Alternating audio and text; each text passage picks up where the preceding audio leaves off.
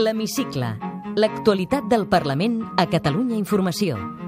Amb Jordi Corbalan i el muntatge musical de Salva Pou. Fa quatre mesos de les eleccions del 21 de desembre i el Parlament encara no ha pogut investir president. El compte enrere perquè hi hagi investidura o es convoquin noves eleccions encara l'últim mes. Això mentre les declaracions dels empresonats al Tribunal Suprem han obert un nou front, ara entre el jutge Llarena i el govern espanyol, sobre la suposada malversació de diner públic per l'1 d'octubre. Benvinguts a l'Hemicicle. L'Hemicicle. L'actualitat del Parlament a Catalunya Informació.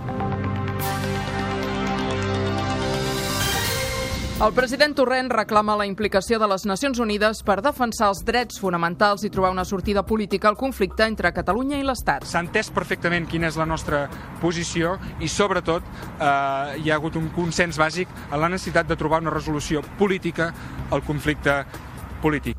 Ciutadans, socialistes i populars critiquen el viatge de Torrent a Ginebra. El senyor Torrent es pensa que és l'advocat o l'emissari del senyor Puigdemont i dels seus. Junts per Catalunya demana temps per materialitzar la investidura i manté viva l'opció d'investir Puigdemont. La legitimitat del president és absoluta. Arcadi Oliveres rep al Parlament el Premi Constructors de Pau que atorga l'Institut Català per la Pau. Pensem que 51,4 milions d'euros són destinats cada dia a l'exèrcit espanyol per tal d'enfrontar-se a enemics inexistents.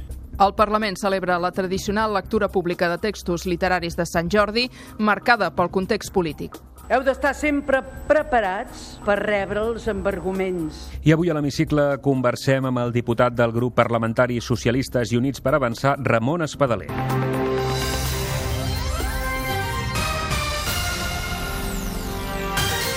A Ginebra, el president del Parlament, Roger Torrent, s'entrevistava dimecres amb una representant de l'alt comissionat per als drets humans de l'ONU per traslladar-li la seva preocupació perquè la justícia espanyola hagi vetat quatre intents d'investidura. Ho expliquem amb Montse Garcia.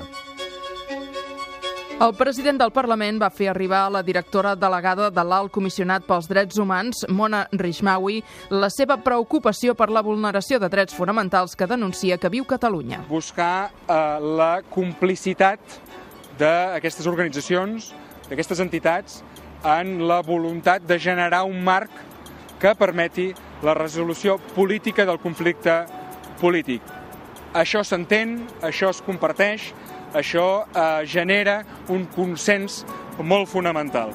El president del Parlament va aprofitar l'estat de Ginebra per reunir-se amb l'alcalde de la ciutat, Remi Pagani, que s'ofereix per intercedir en el conflicte entre Catalunya i l'Estat. Euh, le représentant du Parlement de He rebut el representant del Parlament de Catalunya per dir que Suïssa i Ginebra en particular resten a disposició de les dues parts per trobar un acord. des deux parties pour trouver un accord. Aquest oferiment l'entenem com a molt valuós justament perquè és el que busquem. Busquem la implicació política a Europa eh, per resoldre políticament una qüestió que no només afecta estrictament a Catalunya o l'estat espanyol, sinó que és una qüestió que és un repte eh, per tota Europa. El viatge de Roger Torrent a Ginebra va rebre, però, les crítiques de ciutadans, socialistes i populars. que li demanen que esmerci els esforços a proposar un candidat que pugui fer efectiva la investidura. Ciutadans ha demanat també a la mesa del Parlament que reconsideri la decisió de querellar-se contra la sala penal del Suprem. Sentim Carlos Carrizosa, de Ciutadans, la portaveu socialista Eva Granados i Xavier García Albiol, del subgrup del PP. Eh, los viajes por Europa del presidente del Parlament no los tenemos que pagar entre todos los catalanes. que es deixi de viatges i que es deixi de, de buscar excuses i potser és la seva mala consciència i els seus debats interns dins del bloc independentista que li força a fer aquest tipus de viatges. El president del Parlament no es pot eh, degradar anar a viatjar no sé on a defensar a un diputat que està en una situació eh, jurídica complexa. Els comuns, en canvi, aproven el motiu de la visita de Torrent a les Nacions Unides. Sentim Elisenda Alemany. totes les accions que vagin, òbviament, en matèria de garantir drets polítics a diputats, eh, comptaran amb el nostre suport, però creiem que fa massa temps que allarguem aquest tipus d'agenda i crec que l'agenda principal ara mateix per a la gent és tenir un govern efectiu. L'Hemicicle. El Parlament a Catalunya Informació. Mentrestant, Junts per Catalunya continua treballant amb tres candidats per a la investidura, Carles Puigdemont, Jordi Sánchez i Jordi Turull. El grup parlamentari es va reunir dimecres a Berlín per analitzar la situació política i judicial actual i determinar els pròxims passos a seguir. De novetats, poques. El portaveu adjunt del grup, Eduard Pujol, va remarcar que la legitimitat de Puigdemont és absoluta perquè el país el reconeix com a president. Pujol diu que el calendari no ha de ser un impediment per prendre decisions. Ens hem guanyat el dret de gestionar el temps. Ens sentim amb, amb prou comoditat mm, a nivell de terminis per continuar doncs, treballant sense presses i per continuar fent valer totes les opcions, també la del president Puigdemont. Esquerra manté que és urgent una investidura efectiva per poder formar govern ràpid. Sentim el diputat Ernest Maragall. La mateixa expressió d'urgència, de, de voluntat de, d'avançar immediatament en aquesta direcció està, en fi, és coneguda i no s'ha modificat ni un mil·límetre. La CUP es manté en el seu posicionament. Carla Riera admet que la reforma de la llei de la presidència pot ser l'eina legal per investir Puigdemont. Si tot va bé i per lectura única, eh, segurament a començaments de maig, la primera setmana de maig, podria ser aprovada pel, pel ple del Parlament. Ciutadans, el PSC i el PP critiquen que el principal obstacle per formar govern és Carles Puigdemont. Sentim la líder de Ciutadans, Inés Arrimadas, a la portaveu socialista Eva Granados i el popular Xavier García Albiol. La realidad es que Puigdemont no va a volver a ser presidente de la Generalitat. La realidad es que no hay ninguna república catalana. La realidad es que no tienen mayoría social para hacer lo que están haciendo. La, la realidad es que no tienen cobertura legal. I és evident que la figura de Carles Puigdemont continua empantanant el normal funcionament d'aquesta institució i la del govern de la Generalitat. Puigdemont aspira a subsair a Puigdemont. Presoners d'aquesta política absolutament personalista, com si fos un masies, com si fos un caudillo. El líder dels comuns, Xavier Domènech, dubta que els independentistes puguin tancar un nom i un pla de govern aviat, ni referma la seva aposta per un govern transversal amb independents. Si es diu ara mateix que això ja no va d'independència sí o no, que sinó que va de democràcia, el govern de la democràcia, i per tant haurem d'interpel·lar tothom, centralment a les forces progressistes, però també al conjunt del catalanisme. L'Hemicicle L'actualitat del Parlament a Catalunya Informació. El Parlament, doncs, ara pendent del Consell de Garanties Estatutàries que haurà de remetre a finals de la setmana que ve el dictamen sobre la reforma de la llei de presidència i del govern de la Generalitat que promou Junts per Catalunya. El Consell de Garanties ha d'elaborar aquest dictamen a petició dels grups de Ciutadans i dels socialistes. La mesa va rebutjar dimarts la petició de consideració que havia presentat el Partit Popular contra la tramitació de la modificació de la llei per poder investir president i prendre decisions de govern a distància. Si el Consell de Garanties aprecia indicis que la reforma pot vulnerar la legalitat, els grups parlamentaris encara podran esmenar la proposició de llei. Seria l'últim pas abans de portar al ple l'aprovació en lectura única de la reforma, tal com planteja Junts per Catalunya. La mesa també refermava dimarts el vot delegat de Carles Puigdemont en els plens. L'òrgan rector del Parlament ha rebutjat la petició de Ciutadans i del Partit Popular perquè revoqués aquesta delegació de vot. La mesa entén que no ha canviat res des que es va acordar la delegació de vot quan Puigdemont era a la presó, ja que hi continua havent una incapacitat manifesta d'assistir als plens. Ciutadans es planteja ara recórrer al Tribunal Constitucional, tot i que insta el govern espanyol a fer-ho. El Parlament farà dimecres que ve un ple ordinari que en principi serà de tràmit per convalidar el decret que permetrà als funcionaris cobrar la part de la paga extra del 2012 que encara els deuen. També s'ha de convalidar el decret de la pròrroga pressupostària. Els dos decrets van ser aprovats pel govern espanyol en aplicació de l'article 155. En el darrer ple, Junts per Catalunya, Esquerra i la CUP van retirar de l'ordre del dia la seva aprovació perquè no hi havia cap representant del govern espanyol per defensar-los. Els lletrats del Parlament, en contra contra del que sostenia la majoria independentista, han conclòs que els decrets es poden aprovar sense necessitat que comparegui cap representant del govern. El ple de dimecres també inclourà l'ordre del dia la liquidació del pressupost del Parlament de l'any passat. L'Hemicicle. El Parlament a Catalunya Informació. L'economista i activista Arcadi Oliveres rebia dimarts a l'Auditori del Parlament el Premi Constructors de Pau 2017 que atorga l'Institut Català Internacional per la Pau, un guardó en reconeixement a la trajectòria de lluita per la promoció dels drets humans i la pau. En la cerimònia de lliurament, Oliveres va criticar les polítiques migratòries de la Unió Europea i el comerç d'armes. Pel que fa a la situació a Catalunya, Oliveres va recordar als polítics catalans que són a l'estranger o empresonats alhora que feia una crida a la societat a seguir per la via no violenta. Al marge de les opcions polítiques de cadascú, totes ben legítimes, sempre que siguin no violentes, i sens dubte, fins ara totes ho han sigut, és totalment inacceptable que des de diferents instàncies dels poders executius i judicials centrals de l'Estat, ben barrejats, s'hagi respost amb repressió injustificada al procés d'un poble que vol caminar cap a la seva plenitud política. El vicepresident del Parlament, Josep Costa, va lliurar el Premi Arcadi Oliveres. L'exdiputat David Fernández va fer la glosa del guardonat. L'Hemicicle. L'actualitat del Parlament a Catalunya Informació. Ramon Espadaler, diputat del grup parlamentari Socialistes i Units per Avançar, benvingut a l'Hemicicle. Moltes gràcies a vosaltres, ben trobats. Bé, el Parlament investirà president abans del 22 de maig o veu cada vegada més eh, factible l'escenari de noves eleccions? Jo si m'hagués demanat això mateix fa 10 o 15 dies hagués dit que, que hi hauria segur presidència. Ara tinc dubtes, dubtes després d'haver vist l'entrevista de Carles Puigdemont el diumenge al vespre eh, a la televisió pública de Catalunya, TV3, tinc dubtes de que, que ja hi tinguem president. Eh, jo crec que Puigdemont el que preveu, intentava, és la meva opinió, doncs, eh, responsabilitzar el Partit Popular del que serà un avançament electoral. La reforma de la llei de presidència per investir president i prendre decisions de govern a distància creu que pot tirar endavant o que es convertirà en l'anèssim xoc entre el Parlament i l'Estat? Doncs serà l'anèssim xoc, però no només entre el Parlament i l'Estat. Jo crec que hi ha una part del Parlament, de la qual jo en soc part integrant, i molts altres grups amb sensibilitats ben diferents, que no podem eh, compartir ni acceptar el que proposa aquesta llei, que es pugui governar el país des de la distància, com un comandament a distància, doncs no, no,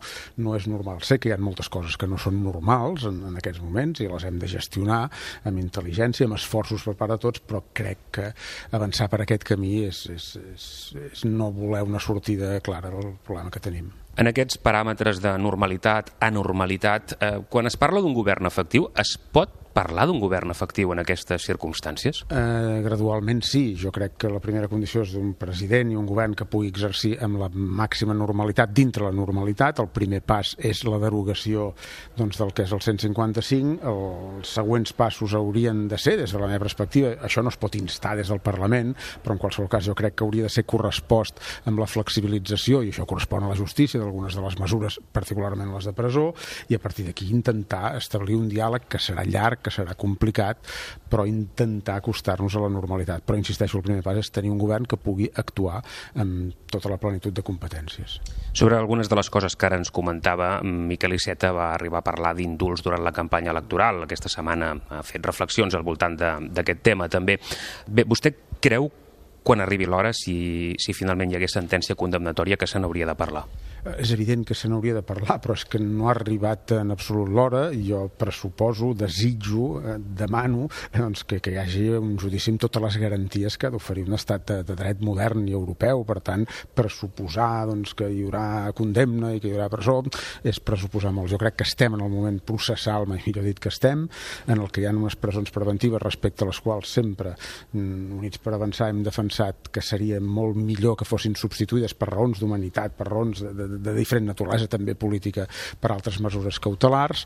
Eh, parlar d'indults és extemporani en aquests moments perquè pressuposa la condemna, i està, evidentment, per veure, hi ha d'haver un judici per entremig, i jo crec que no és el moment. Que el Poder Judicial no permeti presentar-se a la investidura diputats que han format part d'una candidatura a les eleccions del 21 de desembre defensant un programa és una anomalia democràtica. Això no és una vulneració dels drets polítics d'aquests diputats i dels 135 diputats del Parlament?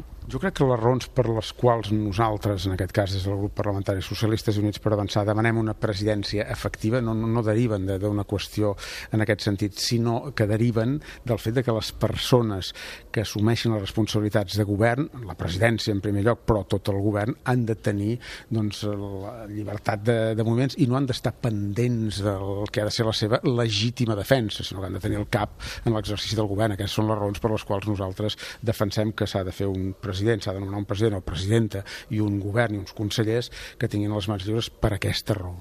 Senyor Espadaler, Catalunya té presos polítics i exiliats?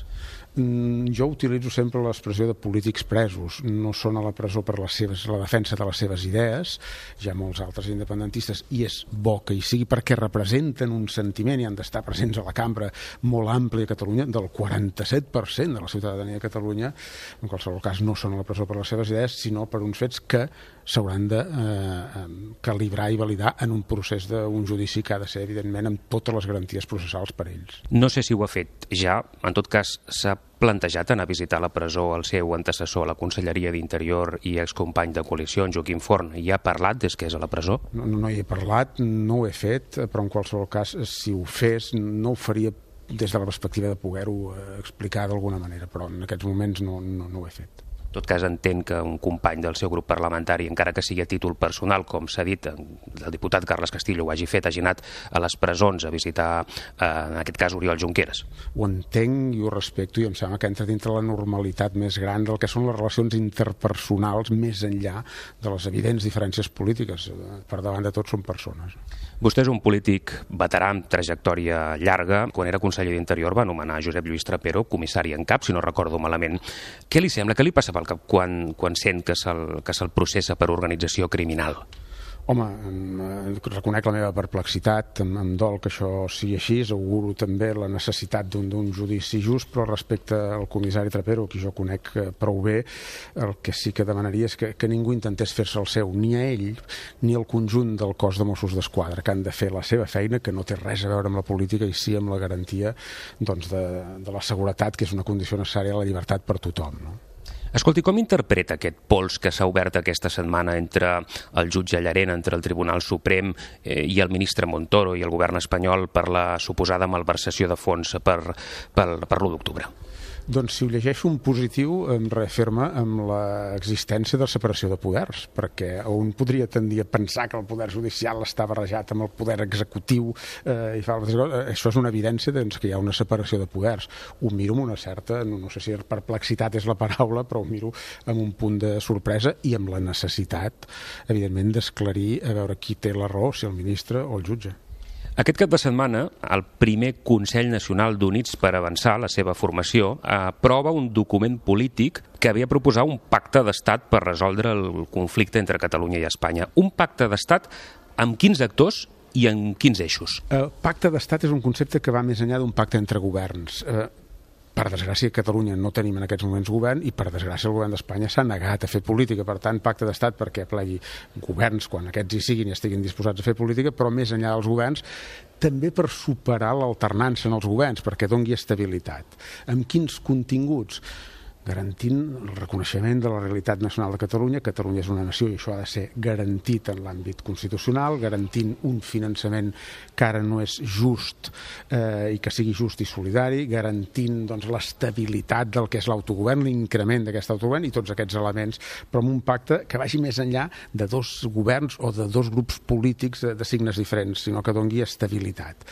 Sabem que ara això és molt difícil, sabem que hi ha molts passos a fer abans d'arribar a això, però en qualsevol qualsevol cas nosaltres tenim l'obligació, o la sentim com a partit polític, de eh, dir, escolti, quina és la seva proposta? Doncs la nostra proposta fuig de l'independentisme perquè ha plegat el 47% del país, però per tant doncs, no hi ha una majoria suficient i per tant està en un atzucac i a més a més amb molt dolor per persones, per famílies i, eh, i per amics i per tant hem arribat a aquesta situació, però també estem molt lluny de l'immobilisme del Partit Popular i de Ciutadans doncs, que voldrien d'alguna manera eh, anorrear les nostres institucions, la nostra capacitat d'autogovern. Nosaltres fem aquesta via, que és la via de la política. Escolti, no podem continuar així perquè ens en fem la pell com a país, com a nació, com a societat, com a govern, que necessitem instruments per al capdavall fer polítiques, perquè el substantiu, al final de tot, és poder fer polítiques d'educació, de sanitat i de tot el que es correspongui, i fem aquesta, aquesta proposta que elevarem al Consell Nacional i que quan l'haguem aprovat l'explicarem a tothom que la vulgui sentir, grups polítics o grups d'interès de, de tota mena. I quan fan aquest aquesta proposta pensen en tenir la complicitat del PSOE de Pedro Sánchez? Nosaltres primer fem la proposta perquè som un partit doncs, en, en plena autonomia, que ara està doncs, en, formant part d'aquest grup parlamentari Socialistes i Units per Avançar, però hem de tenir la proposta per honestedat davant dels nostres conciutadans i els nostres lectors. I després on hi podrà estar d'acord o hi podrà estar en contra o podrà matitzar algunes coses. No esperem el, vistiplau dels uns o dels altres. Esperem que els uns i els altres posin cadascú la seva proposta. I de cara a les municipals que toquen d'aquí un any, Units per Avançar, que és un partit, diguem-ne, jove, en aquest sentit, molt jove, espera volar amb, amb autonomia pròpia? Sí, aquest és el nostre desig, és de fer candidatures buscant la coherència més que, que una quantitat, no, no, no perseguim eh, ser presents a tot rep, som molt conscients de les nostres limitacions, però allà on fem candidatures que siguin doncs, coherents amb el que defensem com a partit, que és un model doncs, centrat, ideològicament, que és humanista, personalista, que li preocupen les persones, li preocupa l'envelliment, els pobles i ciutats, li preocupa la gent que viu sola, li preocupa la necessitat de dinamitzar l'economia, que també es pot fer des dels ajuntaments, per tant, anem a fer això sense descartar en alguns alguns casos eh, puntuals doncs, aliances amb altres formacions polítiques preelectorals, però en primer lloc hem de definir-nos municipalment com el que som, com el que anem a defensar, fer el màxim nombre de candidatures sense descartar de partida poder fer aliances amb d'altres. Ha trobat el Parlament molt canviat respecte a legislatures anteriors en, les quals vostè hi va formar part? Sí, molt, moltíssim canviat en, en les persones que l'integren. Eh, venia d'un Parlament de fa dues legislatures, per tant, moltes persones d'aquestes eh, ja no hi són per raons de naturalesa ben, ben diferent, i això el fa diferent. I també eh, en, en, en la tensió que hi ha moltes vegades en les relacions i això es nota que hi ha un punt de, de fredor. Abans hi havia una discrepància sí, per veure les paraules, no sé si és contradictòria doncs eh, amable, eh, ara aquesta discrepància jo crec que ja no és només entre l'hemicicle sinó que es palpa d'alguna manera el passadís. Això és un esforç de tots el normalitzar aquesta situació cadascú defensant les seves posicions, però guardant aquestes relacions personals, que evidentment es guarden, però que hi ha aquest punt de, de fredor que es nota. Ramon Espadaler, diputat del grup parlamentari Socialistes i Units per Avançar, gràcies per acompanyar-nos avui a l'hemicicle i que tingui una bona diada de Sant Jordi. Gràcies igualment. Parlen les dones, la seva poesia, tendra i forta però us puc ben dir certament... El Parlament ha celebrat aquest divendres la tradicional lectura pública de textos literaris de Sant Jordi. L'acte, que es fa en col·laboració amb la Institució de les Lletres Catalanes, l'obria el president del Parlament, Roger Torrent, que apel·lava al principal valor de la Diada de Sant Jordi, tot recordant els presos i els polítics que són a l'estranger. L'amor per la convivència entre els catalans i les catalanes. Que tingueu un molt bon Sant Jordi, que sigui un Sant Jordi festiu, alegre, somrient, però sobretot que sigui un Sant Jordi que no oblidi, que no oblidi tot el nostre patrimoni cultural i que no oblidi aquells que dilluns no podran ser entre nosaltres per celebrar aquesta diada. Aquest any s'han llegit fragments de les obres de Joanot Martorell, Montserrat Avelló, Maria Aurelia Capmany, Raimon Pànicar, Manuel de Pedrolo, Carles Fages de Climent i Maria Mercè Marçal. Representants dels anys temàtics dedicats als autors, diputats, expresidents i treballadors del Parlament i ciutadans també han participat en la lectura dels textos. També ho ha fet Carles Puigdemont a través de les xarxes socials. Quan van ser a la sala gran del Palau, l'emperador va prendre tirant per la mà i el va dur a la cambra on hi havia l'emperadriu. És la vida de la meva vida, allò que vull captar amb les paraules. Tots ho volem, els uns, perquè se'ns ha concedit per herència i per educació la facultat d'escriure. Avui ja és demà, per la mà que palpa la porta sense forrellat i obre unes frontisses oxidades quan l'empenys amb esperança. Doneu el verd exacte al nostre prat i mesureu la tramuntana justa que aixugui l'herba i no ens espolsi el blat. Tarda d'un gris lluminós. Ara que el dia s'allarga i ser feliç com Epicur. Néixer, morir. Tot sembla tan senzill, si fos així. Heu d'estar sempre preparats per rebre'ls amb arguments, amb raons, que són la nostra força. L'Hemicicle. El Parlament a Catalunya Informació.